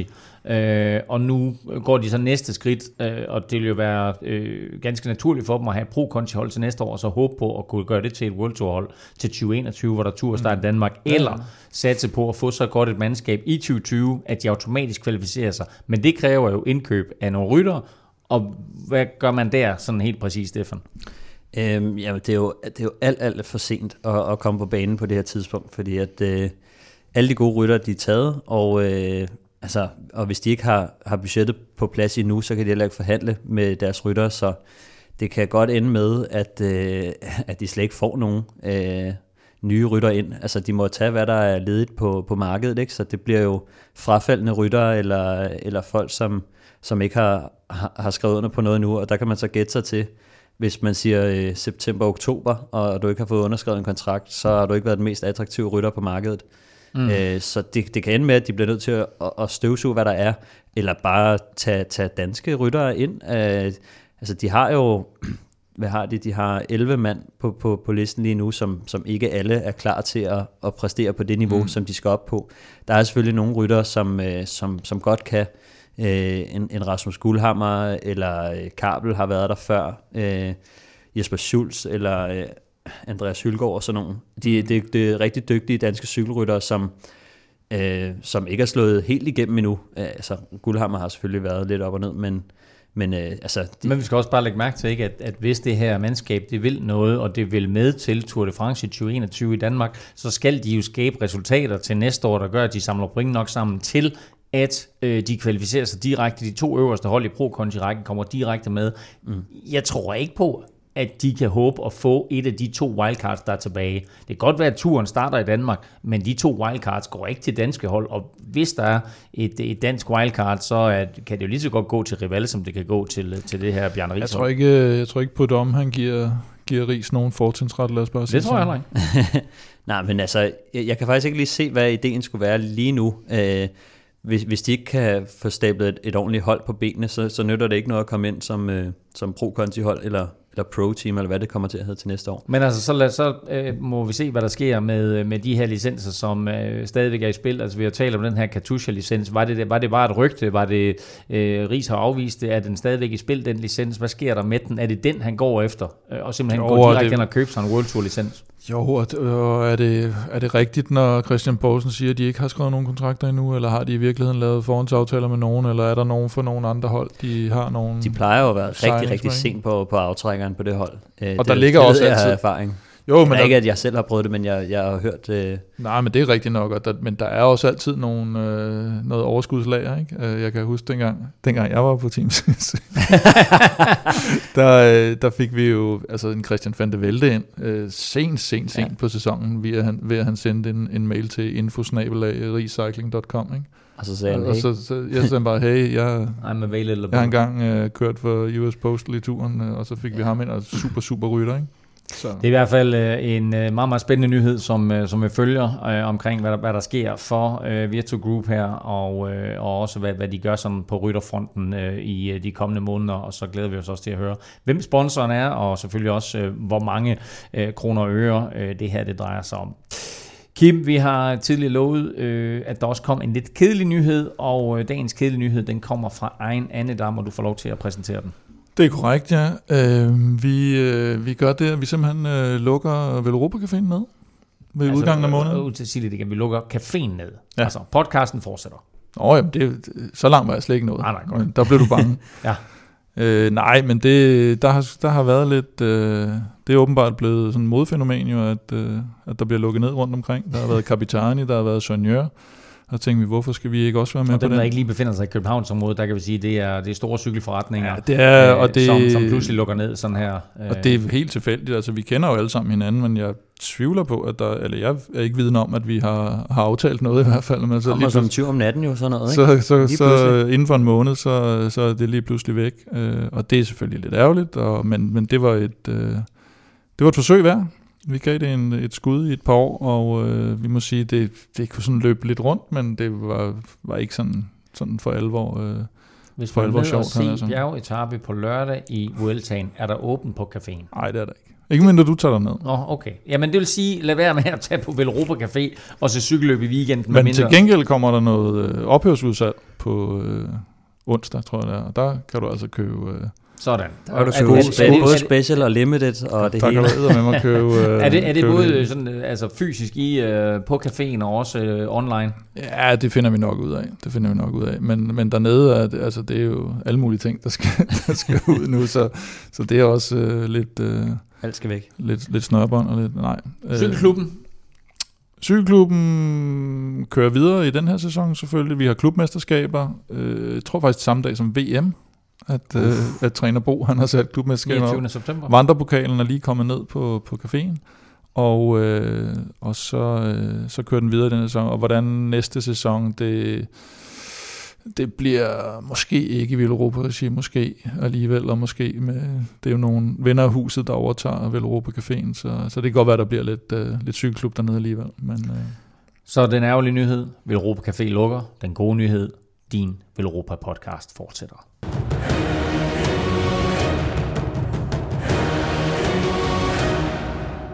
Vueltaen er piv åben. Roglic ligner godt nok stadigvæk en vinder, men både hans og de øvrige podieplaceringer, de er i spil inden de sidste fire etaper. Og i morgen, der går det så opad igen. 177 km med fire kategori 1 stigninger. Og så efter en vanvittig hård etape i dag, som øh, nok tog pusten og kræfterne øh, fra de fleste. Hvem ser stærkest ud lige nu, Kim? Ja, altså man kan sige Valverde var vel, altså udover at han sikkert har siddet og irriteret sig lidt over, at øh, Quintana rykkede, rykkede forbi ham, så, så var han vel en af dem, der kom, kom bedst igennem, altså mindst stressfuldt igennem egentlig, fordi det de lavede på det tidspunkt, det var noget selvvalg, kan man sige, hvor de andre, de var tvunget ud i noget, noget hul om hej, ikke? Og, øh, og så har han set stærk ud på de andre, og en stærk afslutter, så, så, så han, jeg synes egentlig, han, han, må, han sagtens, må ligge meget lun i Og har vel sagtens kun haft øh, en dårlig etape øh, indtil videre i Vueltaen øh, Valverde. Fredagens etape, den er forholdsvis flad. Og så lørdag, der skal det hele afgøres. Det er endnu en bjergetappe, det er 190 km, og den åbner op lige fra morgenen med en forholdsvis stejl kategori 1-stigning, og så går det ellers op og ned hele etappen med en afslutning på toppen af en kategori 3-stigning. Kan Roglic komme i problemer, Stefan, enten i morgen eller på den her etape lørdag? Oh, jeg har lidt svært ved at se ham sådan for alvor komme i problemer øh, med, det, med det hold, han har, og, og, og de få svaghedstegn, han har vist. Jeg synes nærmest ikke, han har vist noget svaghedstegn, for at være helt ærlig. Mm. Øh, selv den etape, vi snakker om, hvor han var, altså, der, der, der taber han ikke noget tid. Mm. Så øh, jeg kan ikke rigtig se, hvor han har, han har vist svaghedstegn, faktisk.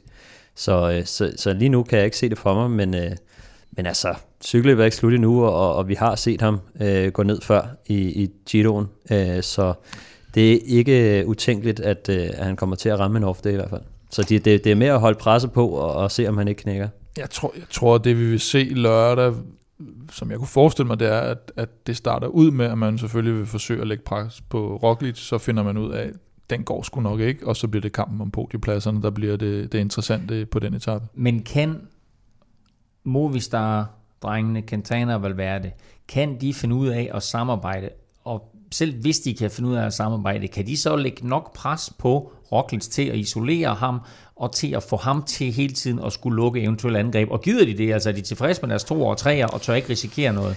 Det, det, det er jo det, det er det store spørgsmål. Altså, det er jo det, som frygten er jo, at, at vi kommer ind, og så viser han ikke rigtig svaghedstegn, og så kører de efter øh, podieplaceringerne, begynder at køre mod hinanden internt. Ja, så kan de ikke sidde og køre en bonussekund. ja, så, om, så det bliver sådan lidt, men om ikke andet, så tror jeg, at vi vil få en kamp mellem, øh, mellem Quintana og Valverde, som jo har chancen øh, for at, at rykke på skift, og ikke nødvendigvis for at komme væk øh, med, øh, med Roglic, men for at komme øh, væk med den anden. Altså, mm. Quintana vil gerne angribe, måske ikke så meget for at hente de der to og et halvt minut på Roglic, men måske for at, at distancere Valverde lidt, og, og den anden vej rundt. Ikke? Så jeg det tror, det er jo vanvittigt. Vi kan se, vi kan, vi kan få en sjov situation, ikke, hvor de sådan under dække af at skulle lægge pres på Roglic, kommer den ene afsted, ja. og så får han opbygget lidt mere forspring, og Roglic sidder og siger, jeg er egentlig ligeglad. Og så til sidst, så må den, der så kommer bagud, så, så kunne de godt finde på at køre efter hinanden. Ikke? Ja, men jeg kunne, man kunne godt forestille sig, lad os sige, hvis uh, Quintana han kører væk, uh, og uh, Roglic han bare sidder med, med sine to uh, holdkammerater og kører steady, uh, og han ligger de der 30 sekunder foran, som jo er ligegyldigt for, for Roglic ja, ja. i det store billede, så kunne man godt forestille sig, at det var uh, Valverde, der, der prøvede at gå efter jo. Altså, det, er jo, det, er jo, det er jo helt vanvittigt, men de har jo vist, uh, at uh, de kører med hovedet under armen nogle gange. Og det kan altså åbne op for øh, Pogacar, og måske endda Superman Lopez til, at en af dem uh, hopper op på podiet, men lige nu der er podiet altså Roglic foran Quintana og med øh, Valverde på tredjepladsen. Vi skal have lidt spiltips på banen til de resterende etaper af Vueltaen, og det er naturligvis Velropas vinder, Stefans Staltip og Plesners podie, vi skal have gang i her, og vi lægger ud med uh, vinder. Hvad har vi der, Kim? Ja, der kører vi helt hen på den afsluttende etape til Madrid, som er flag, som, som er pandekage. flag, og øh, hvor Sam Bennett han bør tage den. Til, øh. Og det er, jo, det, er jo, det er meget sjovt, fordi det er jo ASO, som arrangerer Vueltaen og turen, og de har altså besluttet, både i Vueltaen og i turen, at 21. etape skal være sådan en paradeetape, hvor der er plads til lidt billeder og lidt øh, champagne, mm. eller øh, hvad man nu drikker på, på de kanter dernede. Æh, hvor, hvor Giroen jo har en anden arrangør, de siger, at 21. etape, den skal tælle med. Men det her, det bliver sådan en paradeetappe, så det hele skal afgøres lørdag på den 20. etape, og så får vi en paradeetappe og formodentlig en sprintafgørelse. Og hvad har du der, Kim? Jamen, vi har Bennett til øh, 71. Som Sam vinder. Bennett ja, som en stor han Han har været en klasse for sig, og øh, den, den bør han tage, den der. Og man kan sige, med hensyn til det, du siger med paradeetappe, der, der har vi jo stadigvæk... Øh, ASO, der, der stadigvæk har grimme, grimme marit om, uh, da Fignon blev slået af, af Le Mans på sidste dag. Så det, det, det skal de ikke tilbage til, det der. Så det er lidt ærgerligt, fordi jeg kan jo godt lide, at den der 21. etape, den faktisk tæller med, som, som vi ser i Giroen. Men det her, det var altså vel Europas vinder. Sam Bennett vinder øh, paradeetappen øh, til Madrid på søndag. Vi skal have den øh, meget imødesete Stefans Staltip på banen. Hvad har vi der? Jamen, øh, vi holder os øh, lidt til Sam Bennett, øh, bare på øh, 19. etape. som jo er sådan en... Øh, øh, der starter med, med et bjerg, og så, kører, kommer, så kører de flat det meste af dagen, og så kommer der en lille kicker til sidst, den mm. sidste kilometer, som øh, jeg ikke kunne finde ud af lige præcis, hvor stejl den stiger. Men øh, han vandt jo en øh, lignende etape på, på 14. etape, som var lidt hårdere på papiret, men den, den afsluttende stigning var ikke lige så slem som, som den her. Men øh, jeg gætter altså på, at, øh, at han kan være med der også. Og øh, man behøver ikke at spille på, at han vinder, men en top 3, den giver odds 4,5 igen. Holy crap. Øh, ja, jeg synes, det, det er rimelig flot øh, for en mand, der er i så god form. Som, men det kræver, at han kommer med hjem selvfølgelig. Ja, det gør han også. De starter, men du, de starter, ikke, du tror ikke, det bliver en udbrudsetappe? Det er, det er det eneste, øh, jeg kan se. Øh, men det kunne sagtens være, at han selv gik med i udbruddet. Øh, og... Øh, uanset hvad, så er det en etap, der, der, der, der sagtens kan vindes af, en rytter som ham, udbrud eller, øh, eller flad. Vi har jo set ham gå med i udbrud før, øh, bare, bare på dagens etap. Øh, så det er ikke utænkeligt, at han også prøver at stige sig med der. Øh, men det er en etape, som, som han sagtens skulle kunne vinde, øh, men bare en top 3 giver 4,5, og øh, jeg har altså set ham lave nogle øh, rimelig gode resultater på, på nogle andre gusne etaper i, i Giroen sidste år, synes jeg også, man så ham være, være sublim øh, på nogle af de der øh, kuperede tekniske etaper, så det er noget, han kan, og bare en top 3. Det er, det er et flot odds. 4,5 ja. på, at Sam Bennett altså ender i top 3 på, øh, på 19. etape. Og så til sidst, men ikke mindst, Plesners podie. Ja, der gemmer, gemmer vi det, det flotteste odds, øh, og det hedder 3. Nej, det er så det næst flotteste. Ja, men øh, i forhold til vinderchancen, der øh, er det helt klart noget, jeg kan anbefale. jeg, har, jeg har mistet dig. Okay, fortæl videre. Ja. Nej, øh, vi skal jo have vores, øh, vores gode ven øh, Pogacar op på podiet igen. Og øh, det skal han jo nok gøre på lørdag.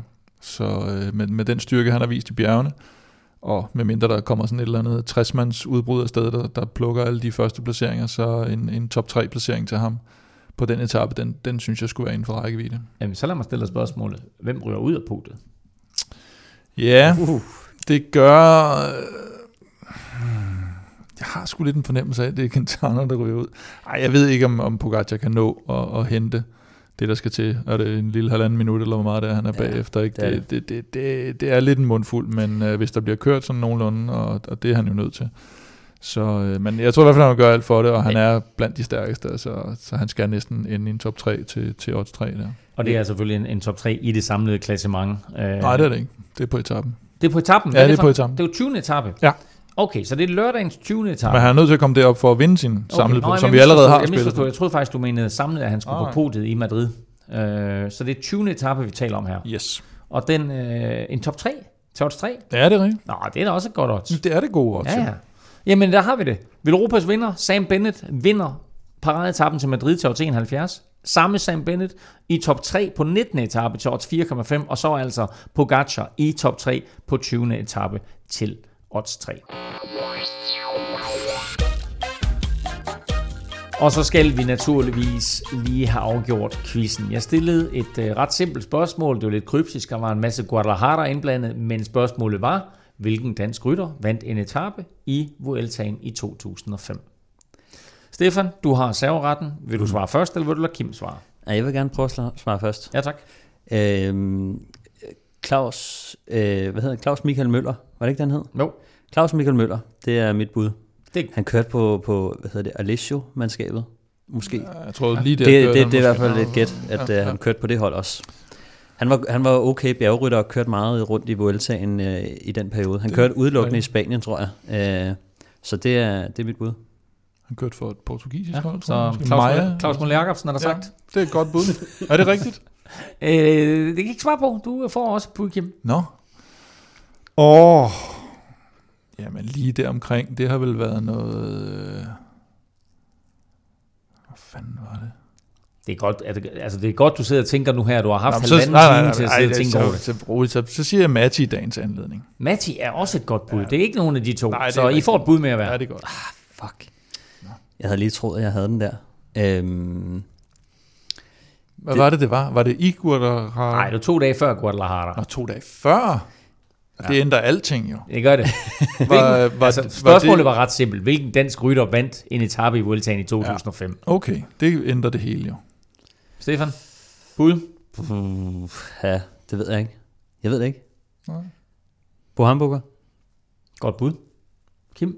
Nu kan du godt sige, om det er det rigtige. Ja, det kunne vi skal ikke sidde her og nej, bruge nej. hele... Jamen, det er, det er ikke det rigtige bud. Så får godt, du et skud med. Lars Mikkelsen. Nej, Lars Mikkelsen. Nej, i 2005 ja. var det ikke. Nej, det var ikke nogen af de.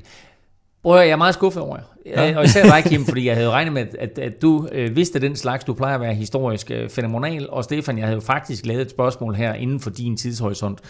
Det rigtige svar er naturligvis Niki Sørensen. Nej, selvfølgelig. Ja, selvfølgelig. Så øh, Niki vandt det var mit altså, næste bud. Øh, 18. etape i, øh, i 2005. Ingen point, og dermed altså fortsat 25-20 til Kim. Som bekendt så køres der altså VM i Yorkshire sidst i september, og Danmark har fået det maksimale antal ryttere med. 8 styk skal der udtages, og det er vel at mærke til linjeløbet, og det gør landstræner Anders Lund ifølge TV2 på søndag. Men spørgsmålet er naturligvis, om ikke Anders Lund, han skiller en hel del til snablag Velropa-effekten. Her kommer i hvert fald øh, Velropas landshold, som øh, naturligvis har øh, Ole Ritter som kaptajn. ja, øh, vi skal stille et hold, Stefan og Kim, og øh, I får lov til at øh, komme med et bud på enten, har, stiller vi med én kaptajn for det første, eller stiller vi med flere? Jeg synes, Hvem Stefan, er de otte ryttere, som I regner med kommer med? ja, Stefan udtager en prototrup lige nu, og så skal vi dem lige ned til 8. Godt, så hvem hvem er med i Ja, brutotruppen? hvem er med i prototrup? Ja, så jeg kan starte med at sige øh, Fuglsang, Ja, Valgren, yes, Kort, yes. Askren. Ja. Godt, de sikrer de fire. Ja. Godt, hvem mere? Øhm, jamen, øh, altså, Wirtz han er jo ude, fordi han er for træt.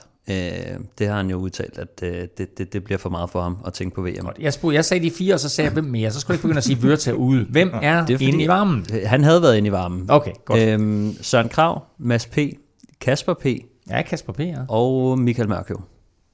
Det er simpelthen øh, de fire næste. Og ja, Så er der det, er, det, det, det, det er min trup. Og så er der øh, Vingegaard, Chris Juhl og Alexander Kamp øh, som, som bobler. Så jeg ved ikke, om du har lyst til at bytte ud. Jeg synes personligt, at, at Vingegaard øh, er, er utrolig farlig i, i den, et, i den trup der. Han, han kunne Men er det ikke kun 11, du har nævnt?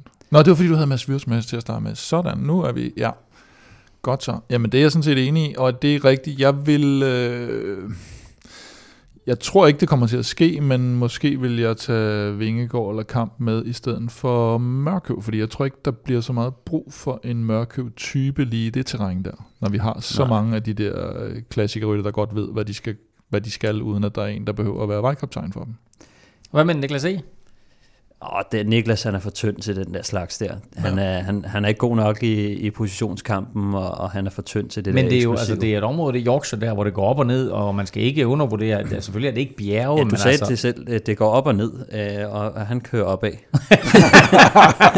Han kan simpelthen ikke køre nedad. Ej, jeg vil sige, ej, det er bare for at sige, når, Ja, når let. stigningerne bliver så korte og eksplosive, der er det ikke et terræn, som passer så godt til Niklas. Og så har han heller ikke haft øh, det gennembrud, øh, hvor at han kan slå... Øh, altså, vi har jo en, en rigtig stærk trup, så det er lidt Mm. svært at komme ind. Og han har ikke lige slået igennem på den måde. Jeg synes, han, han har kørt en god Vuelta, men, men ikke god nok til, til Men det man vel også kan sige i forhold til, hvis, hvis nu, lad os sige, jeg synes jo, vi har nogle gode øh, reserver, eller bobler, eller hvad vi kalder dem for, mm.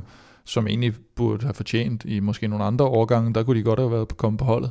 Specielt som kamp kørte i foråret over i, øh, i England. Bestemt. Men øh, vi har jo også nogle typer, som er meget sådan enten eller typer, som Søren Krav, som Mads P. specielt. Mm. Mm.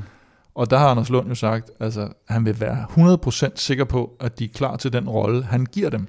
Mm. Og der kan du sagtens have de typer, der siger, men så er det ikke noget for mig. Altså hvis jeg skal køre den der rolle, det gider jeg ikke. Eller det er ikke. Og, og det er jo derfor, de er, som de er. Og det er derfor, de er så Mm. gode, som de er, at de er på den måde. Så du, du kan også komme i en situation, hvor han siger til dem, jeg vil gerne have dig med, men så får du den her rolle på baggrund af, hvordan du ligesom har kørt, og hvordan jeg ellers... Og så kan det være, at de siger, mm, ej, ellers tak. Øh, og så kan det være, at de siger, "Nå, men så vil jeg skulle hellere have en, øh, en kamp med, eller en, en eller anden, som jeg ved. I øh, nævner, I nævner 11 ryttere her, som øh, enten alle er øh, World Tour ryttere eller er på vej i kampstilfælde. Øh, hvad med en fyr som Niklas Larsen? Uff, det er, faktisk et, øh, det er faktisk et rigtig godt bud. Den havde jeg ikke lige tænkt over. Øhm, men, åh, ja, det kunne jeg sagtens forestille mig. Men øh, jeg tror også, det Anders han kommer til at tænke på, det er, at de skal være klar, men de skal også udfylde en eller anden rolle i hans plan. Mm. Øh, så det er også lidt spørgsmål af sådan, jeg ved, at, at øh, Michael Mørkøv og Anders har, har kørt sammen og er, er venner på en eller anden måde. Øh, så det kunne sagtens være, at, at Mørkøv, han, øh, han kommer til som, som en eller anden øh, erfaren rytter, men jeg kan heller ikke se sådan lige, hvor han skulle hjælpe øh, henne. Øh, så skulle det være at holde dem fremme de første 100 km, eller sådan en mm. øh, almindelig øh, hjælperytterrolle. Øh, men ellers så, så tror jeg godt, tror jeg godt... Ja, øh, Mørkøv er jo en sindssygt god rytter, det er jo ikke derfor, vi sidder og, og snakker om det, men, Nej, nej. men til nogle andre roller, eller hvad skal man sige, Ja, ja. netop når Ja. han kører lead out, eller når han skal sidde og passe på en eller anden. Men altså. næppe, næppe brug for lead-out i det løb her. Nej, det, man, Jeg tror, jeg tror bare, Niklas Larsen, han er måske lidt for, for ung og Ja. for ny, og passer måske igen. Der, der tror jeg, hellere Anders vil gå med sådan en som Chris Juhl, som jo, altså han ved lige præcis, hvad han har Ja, ja, i, Chris. Mm. Øh, bum, stærk hjælperytter, som nok skal sidde der til, til sent hen i cykelløbet, som kan hjælpe øh, de kaptajner, som, som han vælger. Øh, Så jeg, ja, jeg, jeg, jeg ser det som et vigtigt VM det her, fordi det her det er faktisk en reel rute, hvor vi, øh, hvor vi har øh, tre ryttere, øh, der, kan, der kan vinde. Så det er klart, at det er vi vigtigt flere, også. faktisk. Ja, ja det, vi har flere, øh, men det er vigtigt, at de hjælpere, der nu kommer med, øh, at det er dygtige hjælpere, der ikke er nogen, der bare kommer med på en fribillet. Øh, glæder mig meget til at se det hold her. Vi er tilbage i næste uge, og der får du naturligvis den endelige trup, øh, og så har vi også øh, opsamling på Vuelta a España og Tour of Britain. Og så har vi faktisk besøg af en længe ventet hemmelig gæst her i studiet. Måske der har du en god fornemmelse af, hvem det kan være. Ingen nævnt, øh, ingen glemt. Og så kan du godt, øh, så kan du godt skrive den 24. september i kalenderen, for der tager vi nemlig Velropa podcast på tur, når vi optager i Rundetårn. Mere om det i næste uge, 24. september i Rundetårn, og der kan du altså få mulighed for at øh, komme ind og se Velropa podcast. Du kan følge Kim på Twitter, det sker på Snablag Velropa. Stefan finder du på Instagram på Snablag S. Djurhus, og undertegnet finder du alle steder på Snablag NFL Ming. Tak for nu. Tak for god ro og orden til jer to. Tak fordi du lyttede med derude. Tak til vores partnere fra Shimano og også fra Danske Spil. Bravo, bravo. Canción de Pacaro.